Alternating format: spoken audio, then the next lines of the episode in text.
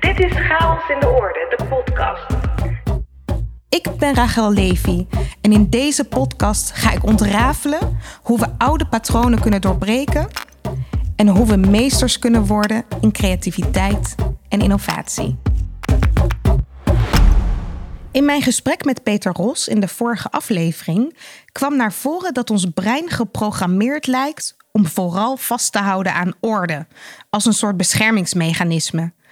En dat onze hersens zich veel langzamer hebben ontwikkeld dan de wereld om ons heen, waardoor we nu de snelle veranderingen eigenlijk heel lastig vinden.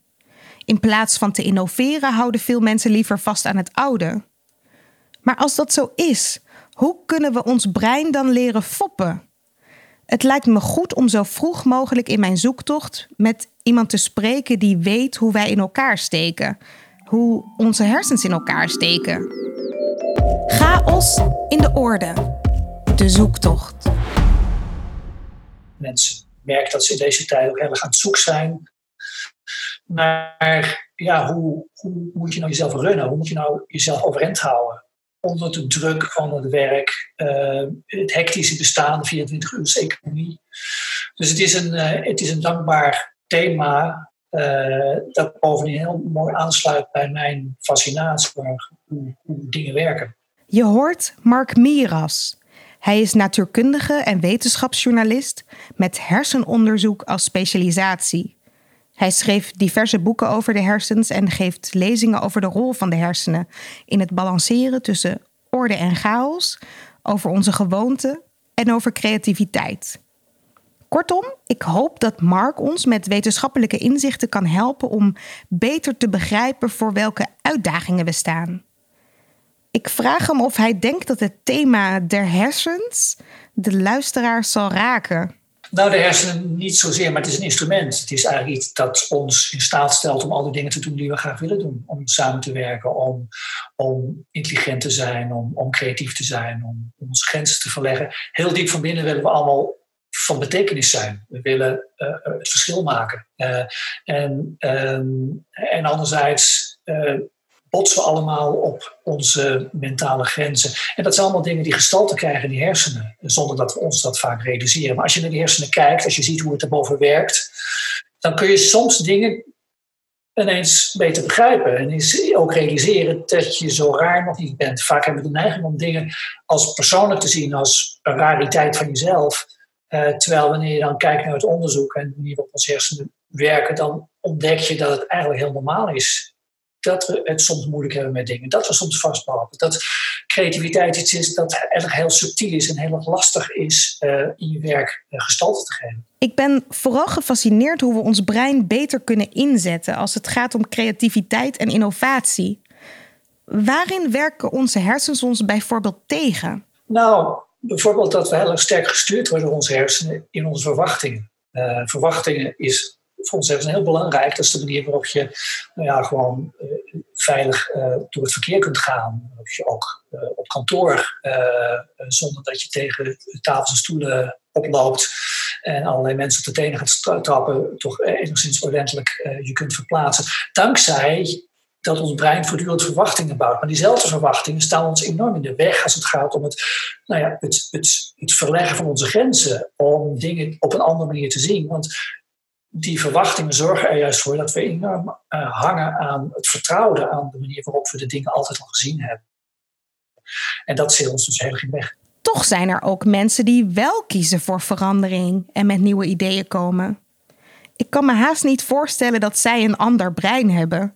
Wat gebeurt er bij hen in de hersens dat anders is? Nou, het is vooral hoe je je hersenen gebruikt. Uh, onze overtuiging overtuigingen zijn al heel sterk uh, sturend daarin. Uh, vaak wordt gezegd dat mensen, sommige mensen creatief zijn in aanleg en andere niet. Alsof creativiteit dus een talent is. En als je het niet hebt, dan heb je pech gehad.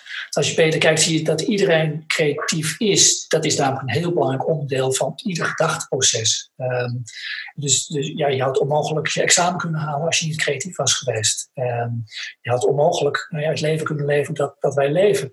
Um, maar het idee is dan toch heel snel dat het iets is wat je, uh, wat je, wat je niet kunt, terwijl het vaak is dat we niet op de goede knoppen duwen, zou je kunnen zeggen. Dat we onszelf in verkeerde, op het verkeerde been zetten, waardoor het niet lukt.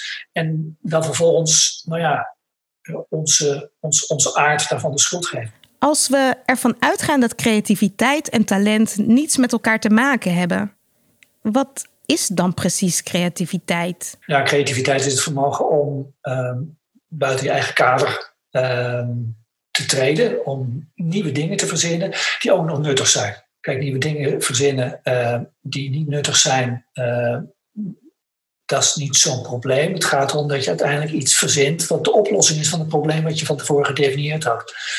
Uh, en dus het, het, het, brengt wel degelijk twee verschillende bewegingen samen. Enerzijds het, het, het, gecontroleerde denken, doelgericht ergens mee bezig zijn en daar vasthouden. En anderzijds jezelf de ruimte te geven om het toeval een rol te laten spelen in dat proces. Het toeval een rol laten spelen in het proces, dat, dat vind ik interessant.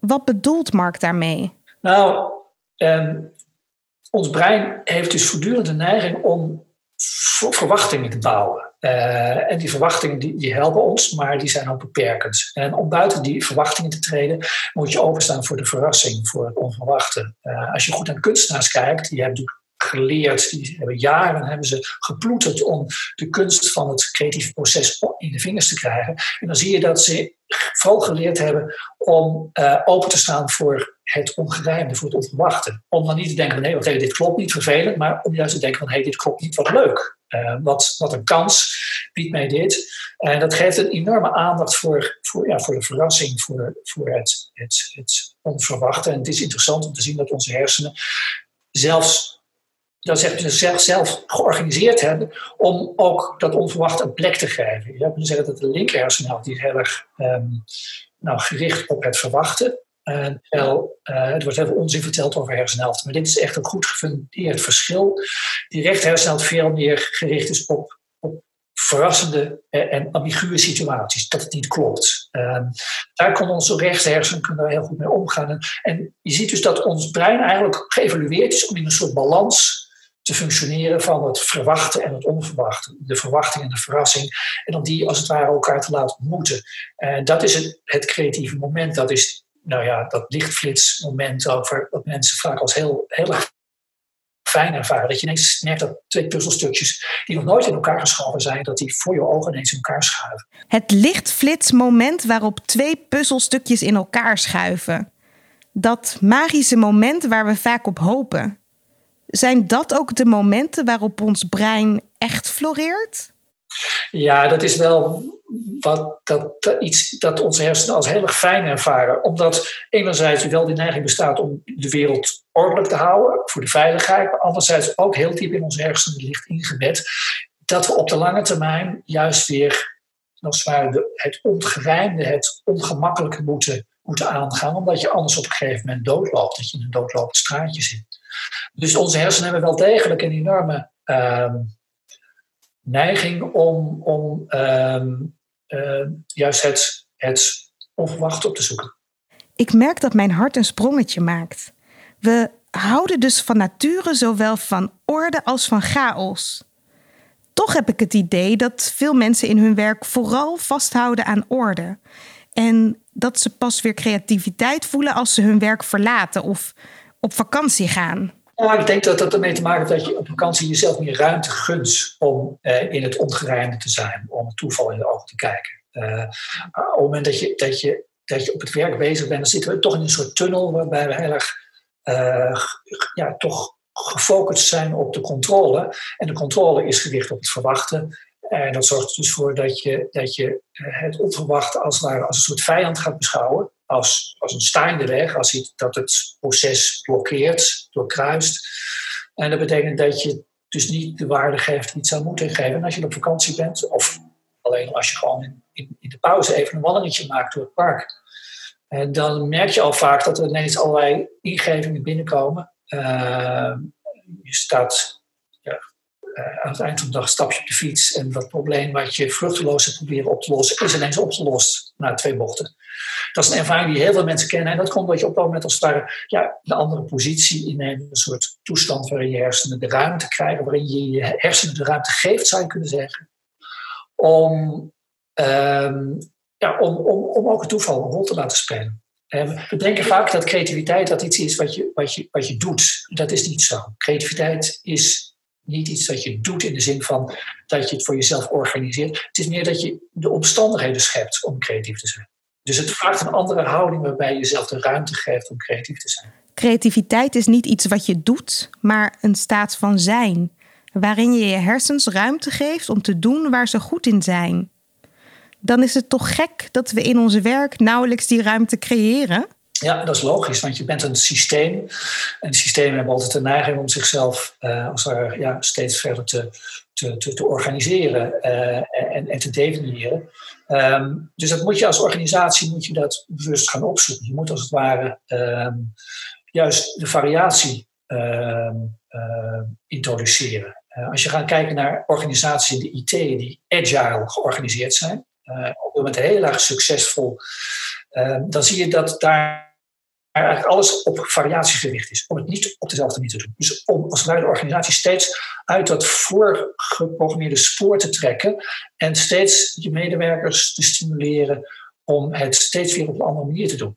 Dat voelt als ongemakkelijk, als vermoeiend ook, maar geeft uiteindelijk heel veel energie. Omdat je ineens merkt dat je daardoor um, andere oplossingen vindt uh, die buiten beeld zouden blijven zolang je in het bekende spoor was gebleven. Uh, dus, dus wat, we, wat wij vanaf moeten is het idee dat efficiëntie dat dat het hoogste doel van een organisatie is. Uh, want efficiëntie um, kan op lange termijn juist voor een grote mate van ineffectiviteit uh, zorgen, waarbij mensen enorm gefrustreerd raken dat dingen niet gebeuren, dat het niet werkt. En, en, dat is een soort paradox die we scheppen, dat we onszelf dwingen om in, in, dat, in dat efficiënte uh, systeem te blijven functioneren, waar we ten eerste niet, niet, gelukkig van worden en ten tweede waar het systeem nog niet gelukkig van wordt. Want dat betekent dat het systeem stram wordt en zich niet kan meewegen in met de verandering in, de omgeving. En ja, dan zeggen we, we zijn als organisatie niet creatief. En dat is omdat we die creativiteit uh, niet de ruimte hebben gegeven. Agile werken. Steeds meer organisaties kiezen ervoor. Het zorgt voor flexibiliteit. Toch zie ik dat mensen ook van het agile werken weer een rigide systeem maken. En dat het daardoor soms zijn kracht verliest. Ja, dat is, dat is de paradox van het systeem. Dat eigenlijk alles weer in, toch weer in, in, in, in, in, in, een, in een, een stroomlijn probeert te krijgen. Um, en, dat is dus een voortdurend gevecht, zou je kunnen zeggen. We, zitten, we hebben als er twee diepe neigingen in ons, dat geldt ook voor een mens, uh, maar zeker als organisatie, als team, heb je de neiging om, om, om daar waar het botst en daar waar, het, waar, waar, je, nou, waar, waar dingen misgaan, om, steeds, om het systeem steeds verder te, te stroomlijnen. En in dat proces doen we dus iets waardoor we uiteindelijk iets heel belangrijks ook overboord zetten, namelijk het vermogen om te veranderen. Um, en op de korte termijn lijkt het dus heel erg aantrekkelijk om nog meer afspraken te maken, om dingen nog beter te regelen, om, om nog meer uh, nou, proces uh, te, organiseren. Uh, maar op de lange termijn zorgt het ervoor dat je plezier uit het werk gaat. dat mensen ook, um, dat, dat medewerkers ook niet meer de effectiviteit hebben. Dat ze ook daar waar het ze voor de voeten komt, ze niet meer zullen afwijken van, van het systeem. En dus uiteindelijk en de organisatie ook ten gronde gaat. En het zijn prachtige voorbeelden van organisaties die zo uh, zeg maar, verblind waren door hun eigen sy systeemdenken. En dat ze gewoon nou, eh, met z'n allen in het, in het, eh, over, het randje van het ravijn gingen. Uh, door totale blindheid die ontstaat voor, voor het ongeruimde, voor het onverwachte, voor de manier waarop de samenleving verandert. Niet meer kunnen meebewegen met die verandering. Dus het is een het is een opgave om voortdurend het, ongemak te zoeken van de variatie, van het, van het, van het improviseren. En, en je te realiseren dat wij aandachtig improviseren uiteindelijk, uh, dat, daar, dat het ook de bron van het plezier is. Dus wanneer je eenmaal over dat ongemak hebt heen gezet, dat het je ook heel veel oplevert. Namelijk doordat je hersenen in toestand komen waarbij zij in staat zijn te leren, waarbij jij in staat bent om aan je toekomst te werken. want daar waar je het steeds op een andere manier doet, ontwikkel je een veel grotere mate aan flexibiliteit dan wanneer je het steeds op dezelfde manier doet. Daar worden die hersenen blij van, gewoon omdat die hersenen weten, het is een goede investering. Uh, hersenen hebben eigenlijk twee standen, je kunt vooruit of je kunt achteruit. Dus je kunt dus in de toestand van ontwikkeling. En als je daar niet voor kiest, dan ga je automatisch in een toestand van, van degeneratie. Er zijn dus twee richtingen. Je kunt vooruit of je kunt achteruit. En je hebt zelf de keuze. Het goede nieuws is dat als jij je hersens steeds opnieuw weer weet te verrassen, je creativiteit toeneemt. Zeker. Het is wel zo dat, dat, dat je dat een tijdje moet, uh, ja, moet oefenen. Omdat we ook weer de neiging hebben om weer terug te glijden in het gemak. En daarmee in, in de sufheid van steeds hetzelfde doen. We moeten dus vertrouwd raken met het plezier van variatie. En dat is ongemakkelijk. Want creativiteit en gemak gaan niet goed samen. Ja, dat heeft met overtuigingen te maken. Het idee dat uh, ongemak dat dat, uh, eigenlijk ongewenst is. Dat, dat, een, dat je dan iets, iets raars doet eigenlijk met elkaar. Dat dat niet mag. Um, terwijl je met elkaar afspreekt dat het ongemak juist inherent is aan alles wat leeft, alles wat in ontwikkeling is um, en ook alles wat met plezier te maken heeft, um, dan ontstaat er ruimte om, om zo te mogen zijn. En dan, dan, dan, dan kun je, kun je uh, elkaar in de ogen kijken en samen besluiten, zo, zo willen we het doen.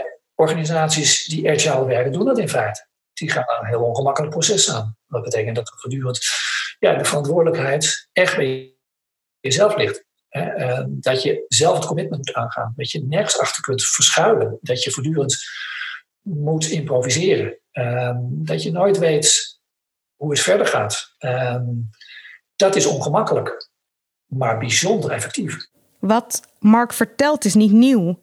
Er zijn talloze wetenschappelijke publicaties die ons deze inzichten geven. Waarom laten organisaties dan deze kennis liggen? Nou, we zijn toch gewoontedieren. Uh, en dat, dat, dat geldt ook hiervoor. Dat, dat, uh, ik zie dat op heel veel vlakken dat de kennis over onderwijs bijvoorbeeld, over hoe onderwijs werkt, hoe leren werkt in onze hersenen, dat dat nog heel weinig gebruikt wordt eigenlijk uh, als het gaat om onderwijsvernieuwing. Uh, dat heel veel onderwijs eigenlijk heel ineffectief is. Uh, en dat geldt ook voor de manier waarop organisaties functioneren, waarop mensen zichzelf uh, laten functioneren. Die wandeling in de pauze bijvoorbeeld vind ik een heel mooi voorbeeld. Als je naar het onderzoek kijkt, dan zie je hoe ongelooflijk effectief het is. Hoeveel effectiever je in de middag bent wanneer je in de pauze een wandeling maakt. En zeker als je dat in het groen doet.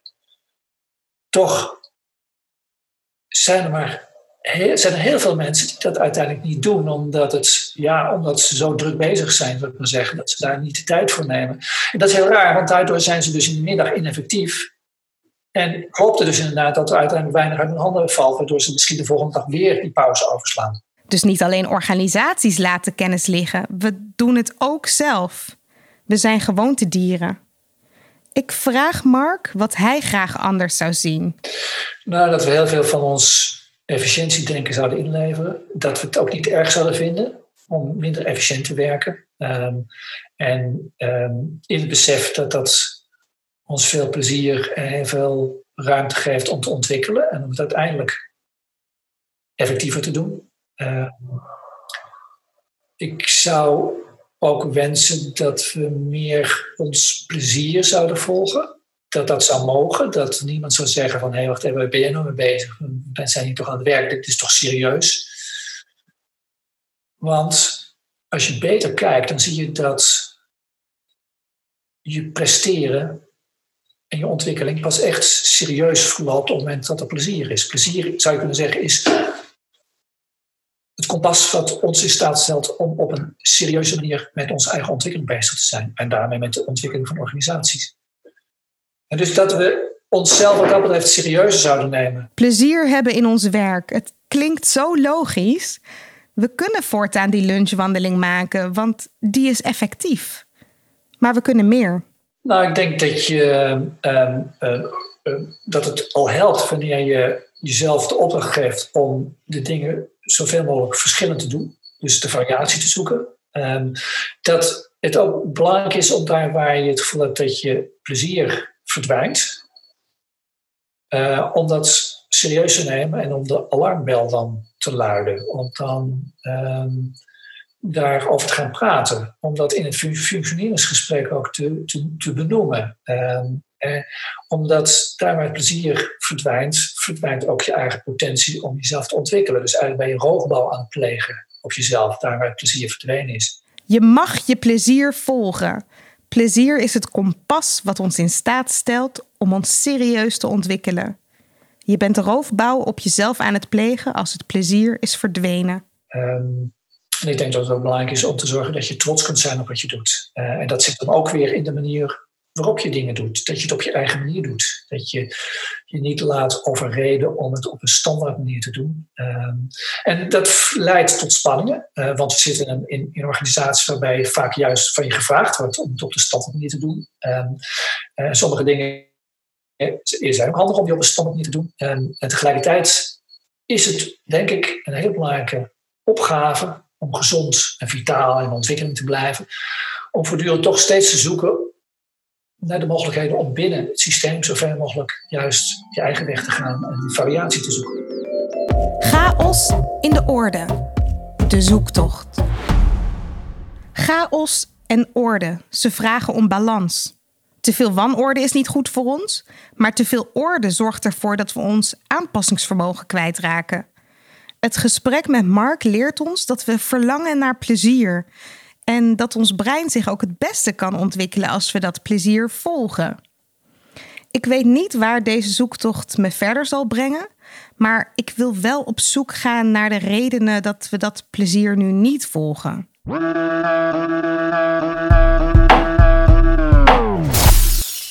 Het struikelblok. Voor verantwoording, voor subsidie en gelden die er zijn, is het nodig dat wij bijhouden hoeveel uren we maken op diverse projecten. Voor mij als creatief persoon is dit echt dé creativiteitskiller. Ben ik lekker aan het ontwerpen, moet ik een Excel-sheet gaan bijhouden met wanneer ik bezig geweest ben met welk project. Ik zou wel eens willen weten of er organisaties zijn die dit anders hebben ingevuld. Dus wel de verantwoording kunnen afleggen die van je wordt gevraagd, maar op een prettige, creatieve manier die niet bergen vol tijd kost om alleen maar een Excel bij te houden. Als je daar een oplossing voor kunt verzinnen, zou echt fantastisch zijn. Ja, je hoort Suzanne Richard. Um, nou, Suzanne, ik heb niet echt een creatieve oplossing voor je. Uh, urenregistratie is vaak iets wat uh, van bovenaf moet, wat wordt gevraagd ter verantwoording. En je kunt natuurlijk proberen om alles creatief aan te pakken, maar je kunt het ook praktisch aanpakken. Uh, dus de eerste tip die ik voor je heb is: uh, ga eens het gesprek aan of je dit kunt automatiseren. Want er zijn natuurlijk heel veel systemen mogelijk die dit makkelijker maken, waardoor jij tijd overhoudt voor meer creativiteit in je werk. En het andere is, als uh, we het niet prettiger kunnen maken, of makkelijker, zorg er dan voor dat jij een situatie creëert waarin je het voor jezelf redelijk aangenaam kunt maken. Dus uh, claim twee uurtjes, zet een fijn muziekje op. Neem door wat je eigenlijk in die uren hebt gedaan en verbind er een positief moment aan. Bijvoorbeeld door jezelf te belonen voor alle goede resultaten die je hebt behaald de afgelopen week. Dus niet echt creatief, maar wel heel praktisch. Wil jij ook een frisse blik op jouw struikelblok? Spreek je uitdaging in en stuur je bericht op naar podcast.chaosindeorde.nl. Wie weet behandel ik dan binnenkort jouw uitdaging of dilemma in deze show.